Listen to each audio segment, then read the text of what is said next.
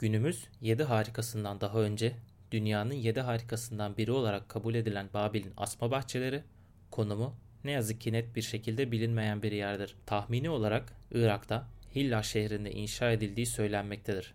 Babilli rahip Berossus bu bahçeleri Babilli 2. Kral Nebukadnezar'a bağlar. Bir efsaneye göre Babil'in asma bahçelerinin Babil kralı tarafından eşi Amitis için oluşturduğu söylenmektedir ve efsane şu şekildedir. Kraliçe Amitis yaşadığı coğrafyaya barış getirmek için İran'ın kuzeydoğusunda bulunan Gazaca'dan Babil Sarayı'na gelin gider. Mezopotamya Ovası'nın getirdiği barış ne yazık ki Amitis'in yüzüne hüzün getirmiştir. Her ne kadar yaşadığı yer ihtişamlı Babil olsa da kraliçe yeni topraklarına alışamaz.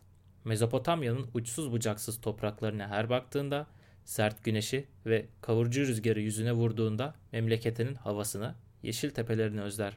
Babil kralı ise sevdiği kadının hüznü karşısında kraliçesini teselli edebilmek, özlemini bir nebze de olsa dindirebilmek için Amitis'in doğduğu toprakların coğrafyasına benzer bir yapı inşa ettirmeye karar verir.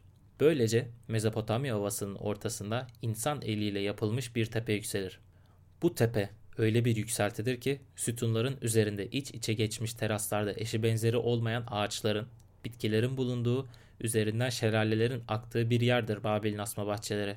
Fakat bu ve daha birçok ihtişamın kendisine yetmediğini düşünen Babil kralı bir zaman sonra şehrin ortasına sözde cennete giden kuleyi yani Babil Kulesi'ni inşa ettirir. Fakat Babil Kulesi'nin yapımı ile lanetlendiğine inanılan bu şehir artık yok olma evresine geçmiştir. Zaten daha sonra istilaların yıprattığı şehir Pers işgali ile itibarını yitirmeye başlar ve İsa peygamberin doğumundan 600 yıl kadar sonra da yok olur.